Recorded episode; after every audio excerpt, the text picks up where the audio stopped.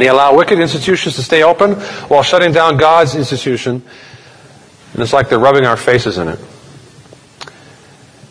It is unsurprising if more Christians are fretting over the evildoers of our age, over their prosperity, over the injustices across the land, and their promises of more wickedness to come. Not a surprise at all. The pressure is strong to complain. The pressure is strong to grow angry and even bitter. Because it's been going on for decades, and now it's just worse in 2020.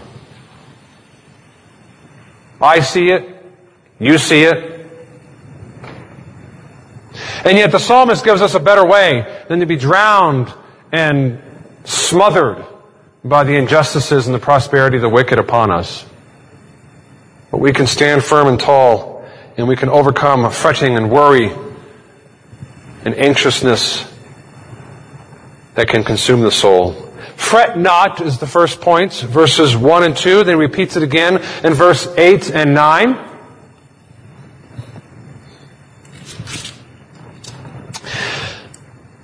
Plead my cause, O Lord, with those that strive with me. Fight against them, those who, oh, sorry, that's 37. I went too far over. Do not fret because of evildoers, nor be envious of the workers of iniquity. 8 and 9. Cease from anger and forsake wrath. Do not fret. It only causes harm. This is the fretting psalm. But what specifically is this psalm? You won't know this in the English, of course. It has two interesting characteristics. One, it is an acrostic. And two, it is proverbial.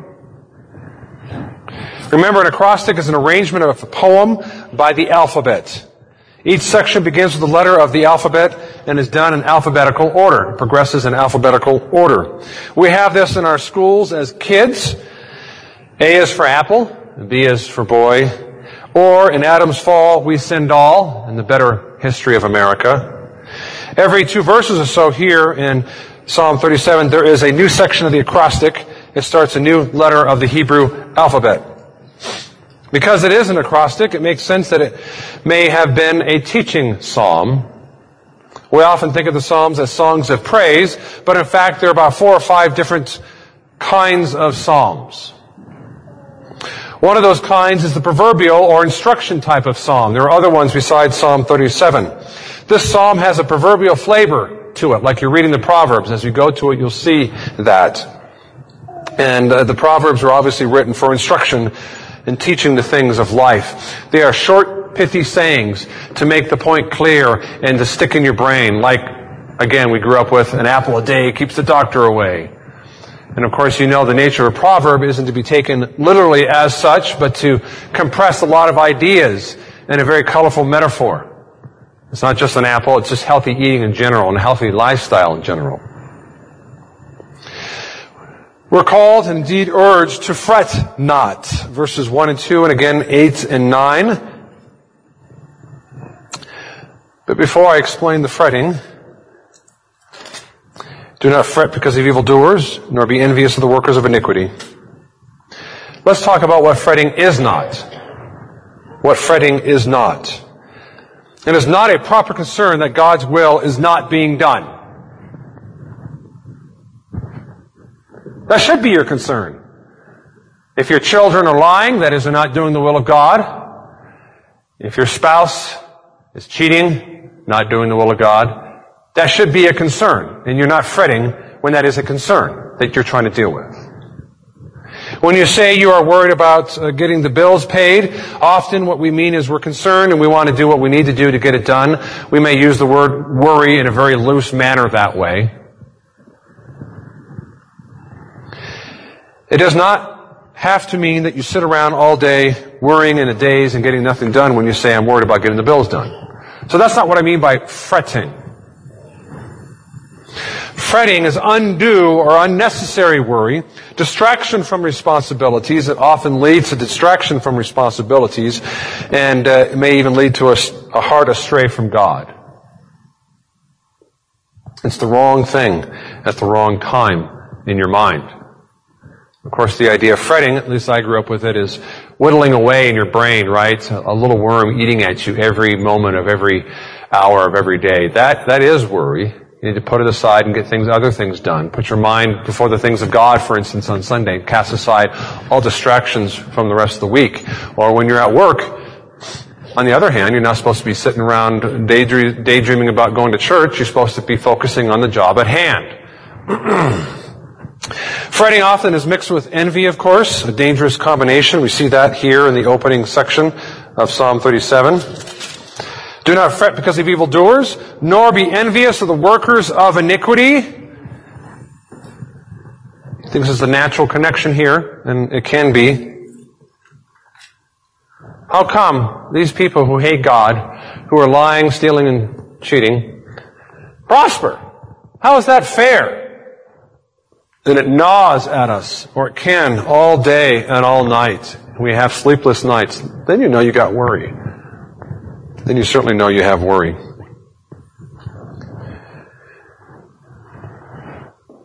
And he continues here to not only say, do not fret, do not be envious of the workers. Why? Because I say so? Well, I mean, that's sufficient.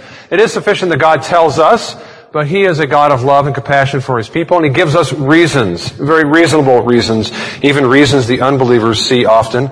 Here, of course, the unbelievers aren't going to admit to this reason. Verse 2, For they shall soon be cut down like grass and wither as the green herb. Why shouldn't you fret? Why shouldn't you have sleepless nights? Because the wicked are destroying this nation. Because God will destroy them. Like you take a sharp blade and cut off the grass. Like you take a mower and it's all down and done with. They think they're going to survive, but God will wipe them out. The evildoer shall be cut down in God's judgment. That is one thing that we can meditate upon to destroy and to root out the fretting of our hearts. That God is a God of justice. This is what the psalm has here has on the one hand a number of verses in pairs. Trust, fret not, rest in the Lord, depend upon Him. And He always gives over and over again a reminder why. Why is this the case? Because God will judge. God is a just God.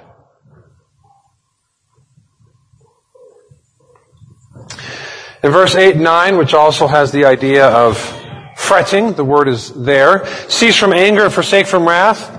Do not fret, it only causes harm. Fretting can not only lead to envy, it may also lead to anger.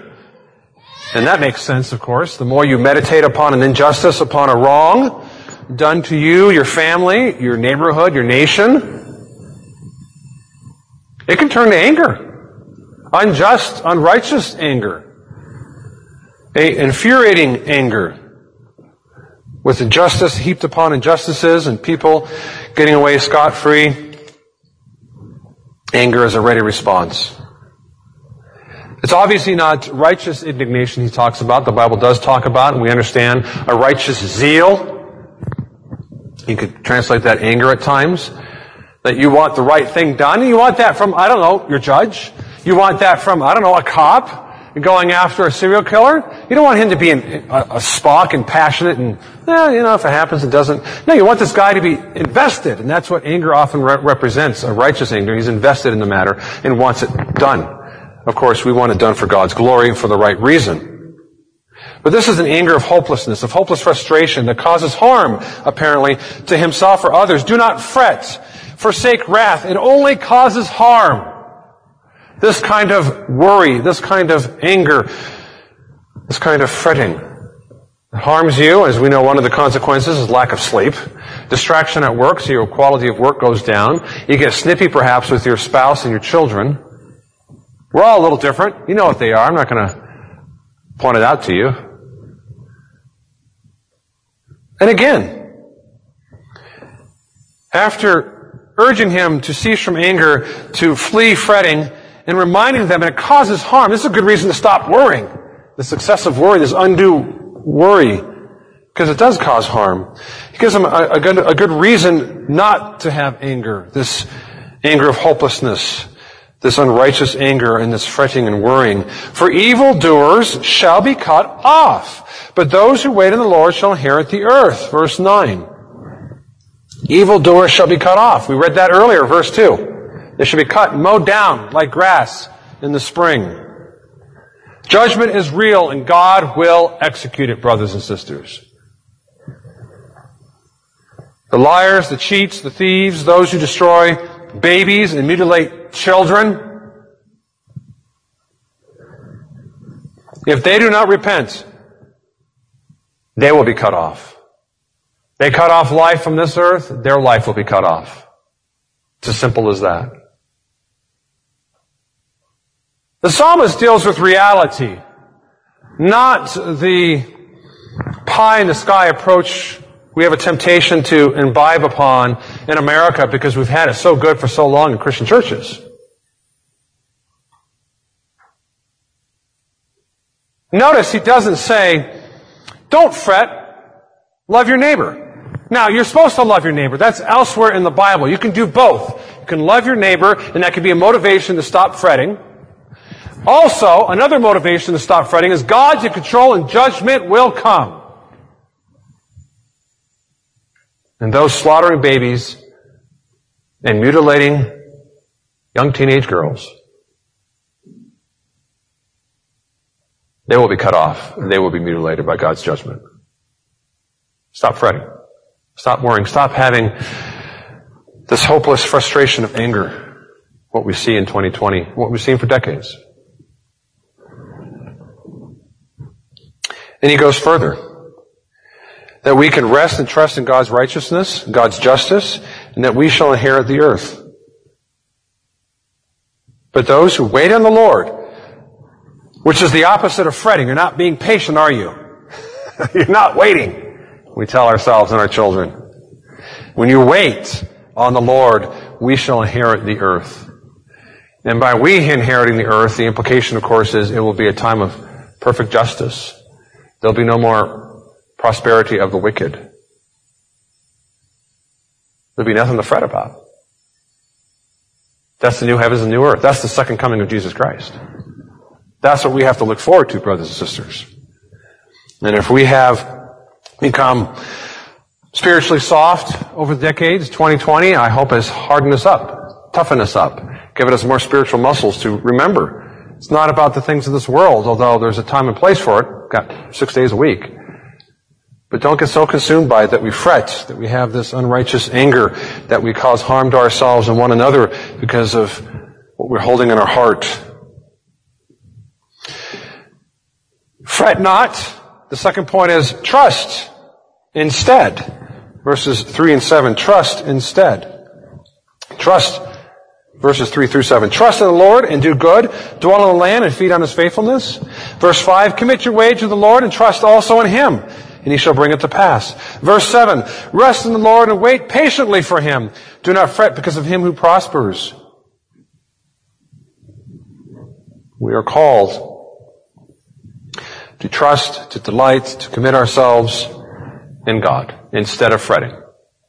This is another purpose, another reason, another tool in our toolbox, a reminder of fleeing unnecessary worry in life and to embrace God, to trust in the covenant keeping Lord, verses 3 to 4.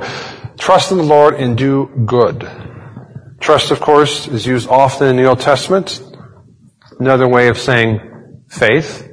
They had faith in the Old Testament. David and Abraham and others trusted or believed, had faith in the promise of God that the Messiah would come. They are our forefathers, as Hebrews 10 tells us. Hebrews 11, the chapter of the Hall of Faith. We can look to them and be encouraged by them. They dealt with the life in a way we don't. I mean, they did not have the prosperity we have, brothers and sisters. You were poor or you were dirt poor, and there were very few rich back then. Trust leads to action. Trust in the Lord and do good. Dwell in the land. Stay here. Do what you're called to do in the land of Israel and feed on His faithfulness. The first table of the law. First four commandments. To worship God and to love Him is how you can do good. The second table of the law, the last six commandments, to love your neighbor and to do good to them, that's how you do good as well. And to meditate, that is to feed on His faithfulness, to meditate upon God's covenant faithfulness. When we, for example, are reminded of God's special providence for us, right? We have this building. They are fearful of getting COVID. I don't want to get COVID. You're wiped out even if you're not going to the hospital. You're wiped out for two weeks. You can't do anything. That's what happened to Thurston twice. No preaching, nothing. He's out. And they shut things down and they haven't met yet. Their committee's like, no. And they had concerns that they would be infected by us if we came in and dirtied everything up. And so they waited and waited and waited. But eventually our prayers prevailed and God was good to us and we're here.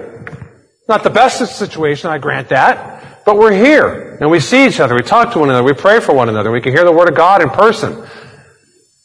And I can move around now. I feel so crammed with that little camera in my house. These are God's special, special providences for us. That house, that car, that wife of yours, that husband of yours, the child. For you. That's feeding on His faithfulness. Remembering and meditating upon these things, brothers and sisters. To delight yourself, verse 7, also in the Lord, and He shall give you the desires of your heart. To delight, to make God number one. And of course, the desires of the heart, when He says this, we know it's not a blank check. He's not saying, whatever you, de- you know, literally, whatever you desire. You wish to lie, steal, or cheat, God's going to give it to you. We know He doesn't mean that. We read the Bible, although holy and from God, like we read ordinary human literature, that is, human language is that way. That's how we talk. That's how we emphasize things. He's saying, whatever your godly heart desires, and of course the godly heart, the saints of the Lord will desire the things of God, and God says, "I'm going to give them to you. But He also does that giving of these things to us is not just holiness, which is a wonderful thing. That's what you want more than anything else. That's true. The fruit of the Spirit. Yes. More faith. Yes. But He also gives you food. He also gives you clothing. He also gives you the car and the house. It's not wrong to desire those if you want to desire them for the good of your family and for the good of God's kingdom, that you use them. That's what you're using them for. That it should be, not for unrighteousness, but for righteousness. God tells Israel that, tells us that in the New Testament as well. We bring our prayer requests before Him. Those aren't guaranteed, of course. They're not guaranteed in this life. But they are guaranteed in heaven. Because there's a new heaven and new earth wherein dwells righteousness. No more tears. It's going to be perfect. We're going to have I don't know what it is. It's, it's, a picture of prosperity where streets are of gold. These beautiful cities of our God in Revelation. Prosperity on, on top of prosperity. We thought we want to go back to paradise with Adam and Eve. No, this is better than paradise. I don't know what that is. But at the end of the day, God does give us the desires of our heart. Not all of it now. We have the important stuff, the saving of our soul, yes. But that will come out to full fruition when Christ comes and all sin will be eradicated. No more struggle with sin. No more evil environments within our hearts and without our hearts. It will come to pass, brothers and sisters. Meditate upon that. And God is good indeed. Commit your ways, verses 5 through 6. Commit your ways to the Lord. Trust also in Him. And He shall bring it to pass. He shall bring forth your righteousness as the light and your justice as the noonday. Committing, of course, is another way of saying what? Trusting, believing, like a child. Believes their parents are going to feed them. Believes their parents are going to protect them and hold them, like little Westy up here, and they grab him, and he, he knows he's not going to be dropped. Doesn't think twice about it. We are called to have that kind of commitment, that kind of trust and reliance upon God. And God has been good and given us that gift. Commit your ways, your way to the Lord. Trust also in Him. And He shall bring it to pass. He shall bring forth your righteousness as a light day and your justice as a noonday. He shall bring it to pass. What? He doesn't say, just says He shall bring it to pass. But He does. It's verse 6. In, again, in the poetry of the Old Testament, which are in the Psalms, large, large chunks of Job, almost all of it, and minor prophets have a little bit of poetry in them. Poetry in Hebrew is parallelisms. You've heard this before. The first line the second line are parallel ideas, although they use different words. I call it a rhyming of ideas. In English, we have a rhyming of sound, don't we? It's fun, but it's not very deep or intellectual. but this is more deep and more intellectual. It's a, a rhyming of ideas, and the parallelism here is very clear. And he shall bring it to pass. He shall bring forth your righteousness and your justice as the noonday. That's what he's talking about. Righteousness and justice are parallel ideas. Common Old Testament terms. I won't give you them. Here they refer to the injustices of the wicked getting away with evil and prospering. And that God will vindicate us and not them. We're the innocent party. He, God, shall bring forth your righteousness, the people of God, as the light, as as the light, and your justice as the noonday. That is our innocence and our striving to follow God in His kingdom will be fully manifested by God Almighty. The world will see that our righteousness is in Christ as it comes to light in the second coming, and that every injustice will be made right. Who we are is not fully known to the world. They mock us. They ridicule us. They used to call us goody two shoes. Remember that? When I was a kid. Now we're called wicked. My, how the tables have turned in the ways of the world, isn't it? It's come full circle now. They think they have the righteous cause, don't they? That's what we've seen a lot more in the last four years. Five years or so. And that we're unrighteous and they don't want us around anymore. And so we plead with God our plea for righteousness, that we are innocent, and that we are members of God's household, and that we have the righteousness of Christ, and we have a personal righteousness, brothers and sisters. That's called sanctification. We are holy. We are becoming more holy to be sure. And it's not our ticket to heaven, but it is a fact. And God says, I will manifest that. It will come out as light. It will be seen before the whole world and your justice shall also be seen as the noonday. Everyone will realize that you Christians were in the right, and they were in the wrong. They were unjust, and you were just. That's what he's talking about. That's the context. Fret not for the evildoers, for they prosper. What about us? We're, we're not being evildoers. We're following Jesus. Yes, we struggle. Yes, we sin. But we're not out there trying to destroy the nation. We're trying to do the opposite with our family, our churches, and our neighborhoods. And it will come about, brothers and sisters. We don't see it. We may never see it in our lifetime the fullness of the injustices as well as the justice of following Jesus Christ, the rightness of it. Another way of thinking of justice and righteousness. Rest in the Lord, verse 7. Rest in the Lord and wait patiently for him. Do not fret because of him who prospers in his way, echoing verse 1, because of the man who brings wicked schemes to pass. So you, you go through this, you have 40 verses, Every two or three verses is one letter of the Hebrew alphabet, right? Acrostic. Uh, acrostic. And there's overlapping themes. Here it's a little different than verse 1 because he starts out with a positive. Rest in the Lord and wait patiently for him. In verse 1 it was fret not.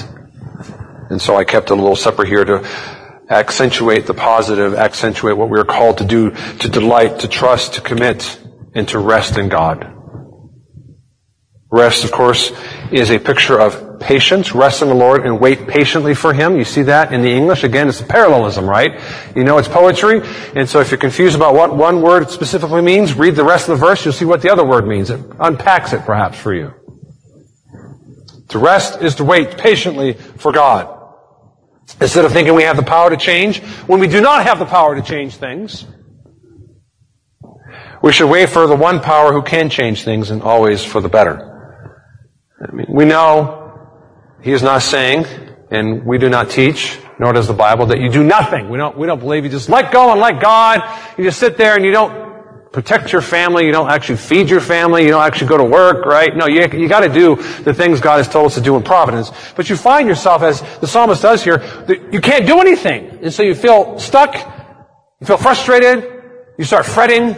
so when you have no power, and of course, even if you do have power, you should always trust in God. But here the specifics are without power, when you feel impotent. And in fact, all the power seems to be on the other side, the wicked people. They prosper. Of the man who brings wicked schemes to pass. Machinations. Conspiracies. We've seen them galore. And he says, in spite of that, wait anyways. Do not fret because of him who prospers, of the man who schemes. Don't sit there all night worried about this and fretting and getting nothing done. But trust and wait, wait upon God. God will win at the end of the day. Waiting is especially needed when there's nothing you can do. We are finding more things in life that we cannot change. And so we wait. And wait for evildoers to repent and wait for the wicked to wither away, and wait for Jesus to come and right every wrong. The third point, not just fret not or trust instead, but look to the future. Verses 10 and 11. Look to the future. For yet a little while and the wicked shall be no more. Indeed, he will look carefully for his place, but it shall be no more. But the meek shall inherit the earth and shall delight themselves in the abundance of peace. Patience. For yet a little while. He said before in verse 7, wait patiently for him. In verse 9, but those who wait on the Lord shall inherit the earth. That's the opposite of fretting. To wait patiently, to know there's nothing you can do, just do what you can do. Get up in the morning, go to work, pray for your family, discipline your kids, go to church, Patience, of course, looks different for different people. To some extent, that is the outward manifestation of it. But impatience is not accepting the process or the outcome in which you find yourself, and there's nothing you can do about it. At home, you may have to wait while the parents decide if you can go to that movie to speak to the kids and young adults. And when a kid complains, before the parents have decided, there's complaining. That's exactly what it is. He's impatient. Socially, we have many wicked things occurring, and politically as well. We have a process. We have a court system to deal with things, and we have to be patient. And the same with God's providence. That's part of God's providence. We must be patient to know that it's a little while. It's a little while, of course, compared to God and His perspective on everything, and that's all that counts, isn't it? It could be a lifetime for us, and the wicked shall be no more.